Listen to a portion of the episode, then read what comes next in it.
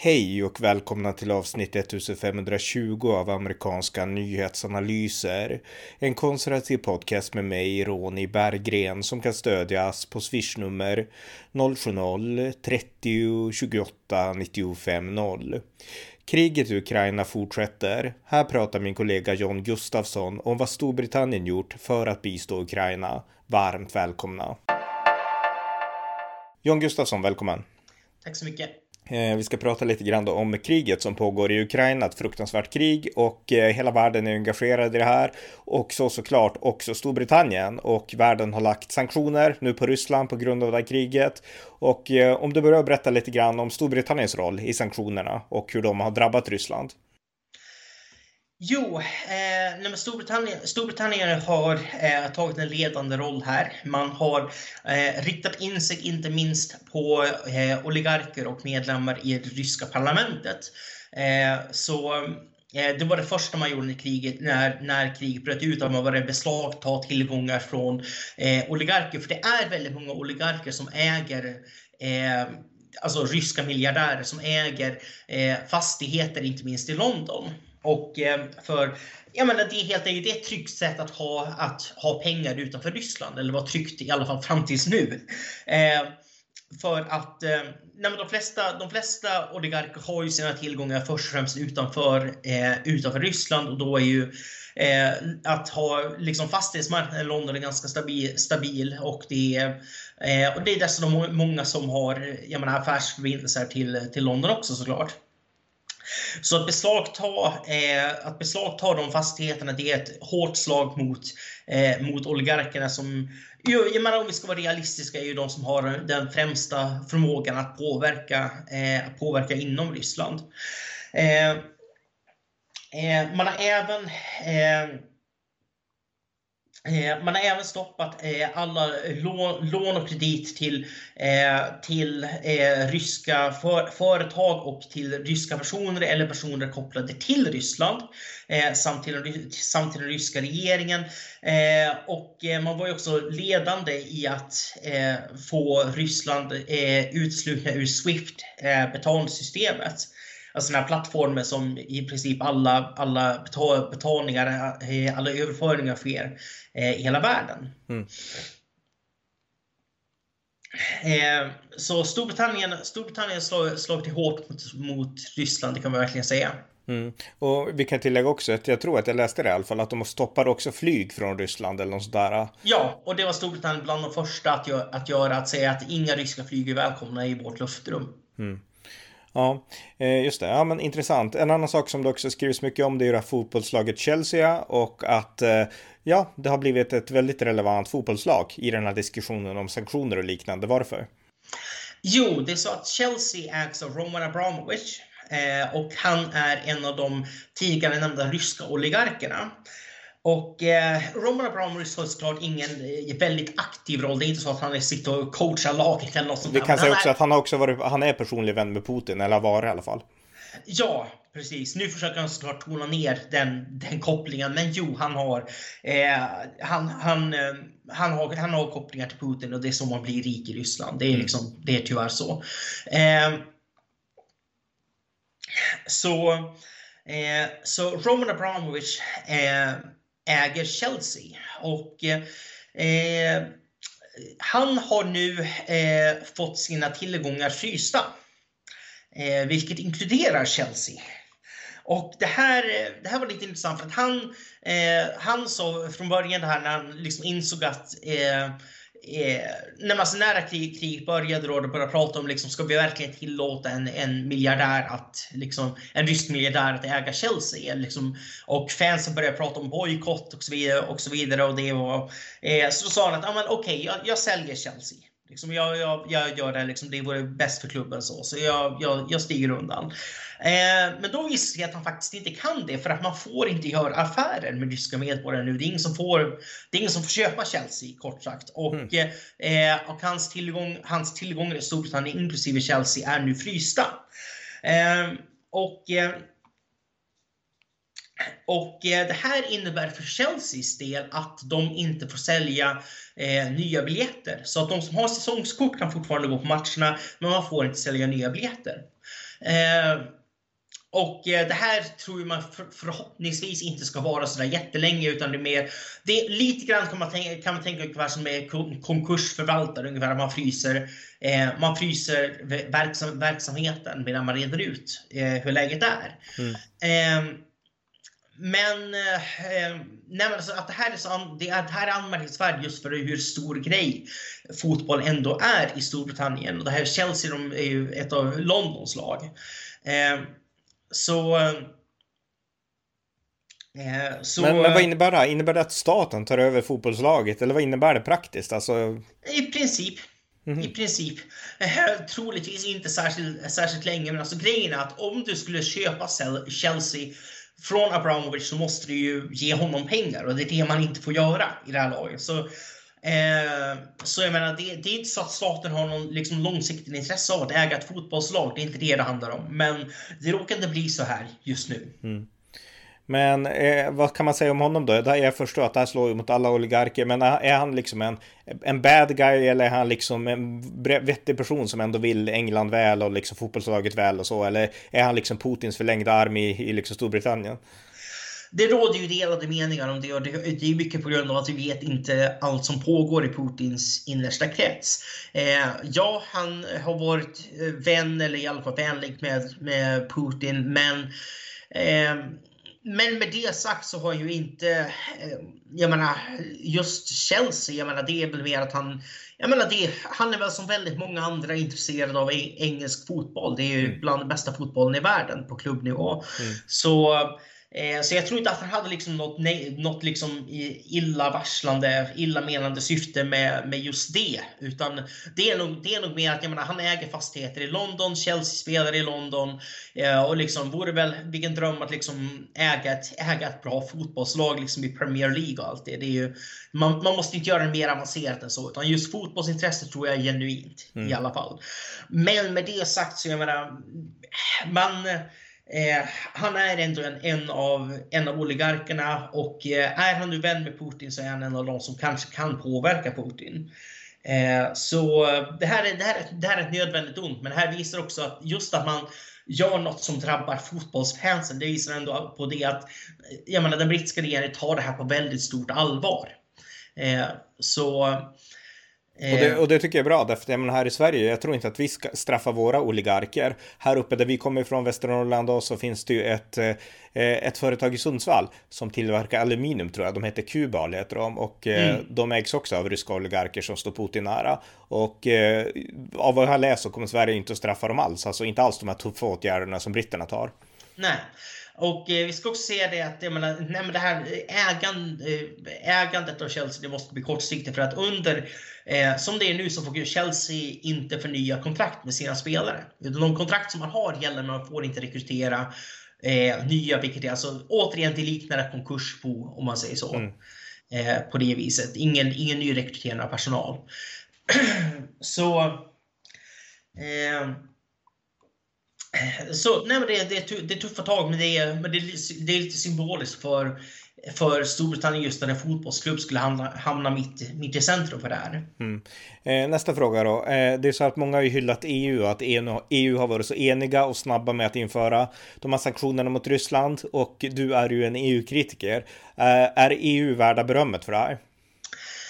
Mm, jag skulle säga så här, jag, menar, jag är positivt överraskad eh, Eh, på det viset att jag trodde att det här skulle bli mycket, mycket värre. Eh, nej men alltså jag har definitivt kunnat se en... Jag menar, det, fanns en det fanns en realistisk... fanns att inte minst Tyskland skulle stå i vägen för i princip alla sanktioner som fanns helt enkelt på grund av det beroende de har eh, av Ryssland och av rysk gas och rysk olja. Så så på det viset, jag är positivt, jag är positivt överraskad, men samtidigt så eh, ska man säga att EU som vanligt reagerar. Man agerar inte i förväg, utan man reagerar i efterhand. Och det gör att sanktionerna blir mycket mindre effektiva. För det man hade kunnat göra, det är att införa sanktionerna Eh, medan trupperna bara stod vid gränsen medan Ryssland fortfarande låtsades att det här var en militärövning. Och då så hade man kunnat säga att vi inför de här sanktionerna tills ni har dragit tillbaka trupperna från, från gränsen. Och eh, eh då hade Ryssland kunnat dra tillbaks trupperna och säga att ja, men det beror inte på sanktionerna, det beror på att liksom, övningen är avslutat. Liksom det, det, vi, vi, tänkte inte, vi tänkte ändå inte liksom gör, göra något mer än så här. Eh, och då hade man så att säga kunnat gå, kunnat gå därifrån, man kunde förlora med hedern i behåll. Det är mycket svårare att gå, att gå eh, det är mycket, mycket svårare att dra sig ur när man faktiskt har invaderat ett land. Och det gör att sanktionerna biter betydligt, betydligt mindre, tyvärr. Mm. Eh, det är klart att de, de får ju såklart en oerhörd ekonomisk effekt, jag säger inget annat. Men jag säger bara för det politiska ledarskapet så blir det svårare att backa när man väl har liksom korsat den, den gränsen, både bildligt och bokstavligt. Eh, och eh, sen, sen skulle jag också påpeka att jag menar, de sanktioner som EU slutligen införde är sanktioner som antingen infördes eller eh, som föreslogs av Storbritannien flera månader i mm. förväg. Storbritannien höll på att forsla vapen till Ukraina sedan början av januari. Bara för att man misstänkte, baserat på underrättelsetjänsten, att det skulle bli en rysk invasion. Så jag menar, EU kom väldigt sent in i spelet egentligen Storbritannien har dragit resten av, resten av Europa bakom sig eh, på det här området, vilket är ganska vanligt historiskt sett. Så, eh, så vi ska också säga att jag menar, Tyskland i synnerhet har ju fördröjt flera sanktioner, inte minst när det gällde just att sparka ur Ryssland ur Swift Eh, Eh, systemet och man har också motsatt sig sanktioner mot rysk gas och rysk olja. Och det här är väldigt viktigt för att det är de två se se sektorerna som är typ två tredjedelar av Rysslands export. Så eh, så jag menar, det som absolut skulle kunna sänka Rysslands ekonomi på liksom några veckor, det är sanktioner mot, mot just de områdena.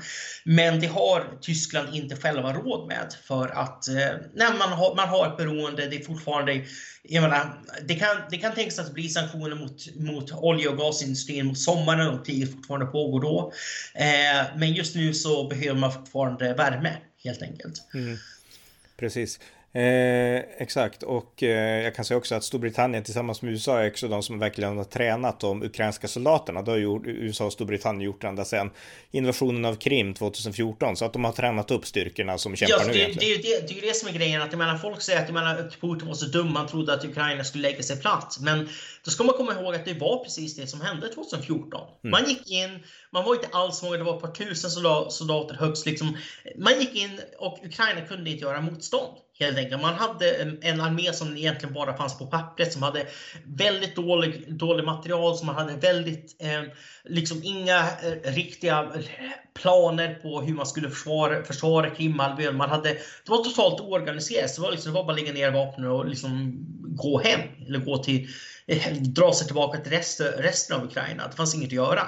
Så det var en, jag menar, eh, det, det, var rimligt utifrån hur Ukraina betett sig historiskt. Men eh, sedan dess, som du säger, så har USA och Storbritannien tränat upp Ukrainas militär. Och eh, det har ju verkligen gett utdelning nu. Utan jag menar, Ryssland har ju i princip kört fast. Det här har blivit till ett utnötningskrig och det skulle vara en, eh, jag menar, det som skulle ha varit en snabb seger. Och eh, Jag menar, Ryssland har redan nu förlorat, eh, förlorat fler soldater alltså på drygt två veckor än vad USA gjorde i Afghanistan och Irak sammanlagt. Mm, exakt, exakt, en bra poäng. Eh, men nästa fråga om vi går vidare. Ukraina, eh, deras president Volodymyr Zelensky han eh, har ju talat inför EU-parlamentet via videolänk då, han är ju i Kiev och han, eh, han eh, skickar in en ansökan för att Ukraina skulle få gå med i EU och det gör han då såklart utifrån desperation och så han vill ha alla möjliga sätt att försöka få någon form av officiellt skydd mot Ryssland då, så det är helt förståeligt att han gör det. Men vad tycker du, bör liksom Ukraina tillåtas gå med i EU? Eh, men som, som du säger, det är fullt förståeligt eh, att han vill gå med i EU. Det hade jag nog också velat om jag var i hans läge. Men eh, nej, jag tycker inte att den här ansökan ska godkännas. Och eh, det första, det handlar om hur, eh, för, första anledningen, och jag har för övrigt en artikel i The Dispatch, eh, om det är någon som vill läsa mer om det här, där jag utvecklade det här med Ukraina och eh, EU-medlemskap. Eh, det första man måste förstå är att Ukraina är mycket fattigare än något annat EU-land. Och då menar jag mycket, mycket fattigare. Alltså, eh, EUs idag fattigaste, eh, fattigaste land, det är, det är Bulgarien. Och Ukrainas BNP per capita är bara 40% av Bulgariens. Alltså man är inte ens hälften så rika som det fattigaste landet i EU just nu. Mm. Och man är dessutom 44 miljoner invånare. Så här, jag menar, en stor del av EUs budget utöver jordbruksstödet så är det största det är det cohesion policy som, man, som det kallas för. Att eh, de, kort sagt omfördelningen av pengar från de rikare medlemsländerna till liksom investeringar som går för att utveckla de fattigare medlemsländerna.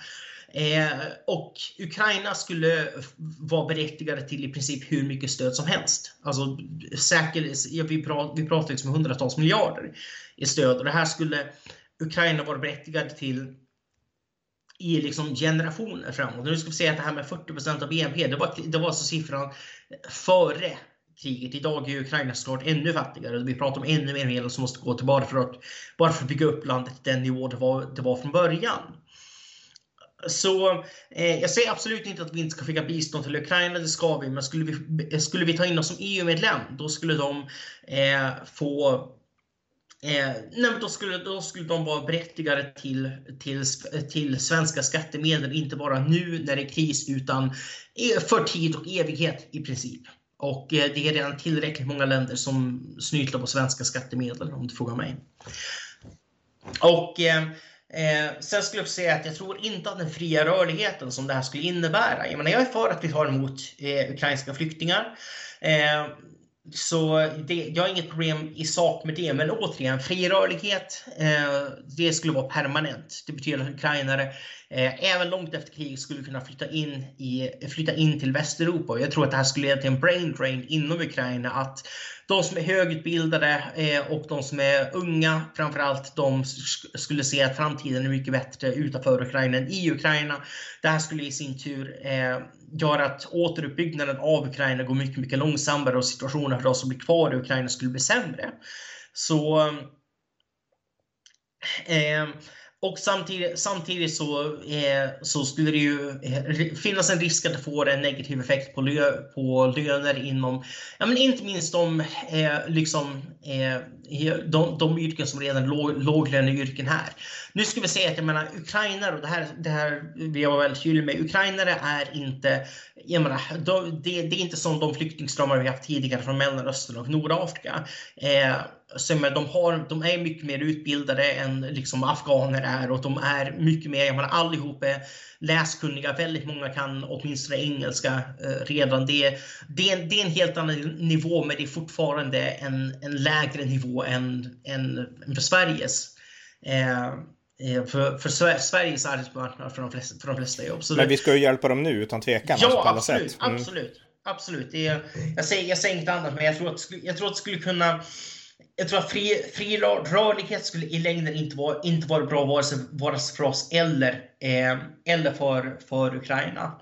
Eh, jag ska också säga här att jag menar, Ukraina eh, tror jag har en ganska idealiserad syn av en idealistisk syn på EU som man också hade i, i de övriga delarna av Östeuropa innan man gick med i EU. Eh, så i Polen så jag menar, jublade man när man blev antagna till, till EU första gången. Eh, och eh, sen dess, eller sen dess, men åtminstone de senaste tio åren så har det varit konstanta bråk mellan Polen eh, och, eh, och Bryssel och även mellan Ungern och Bryssel. Mm. Jag säger inte att Polen och Ungern nödvändigtvis har fel i alla de här konflikterna, jag bara konstaterar att jag menar, den bild...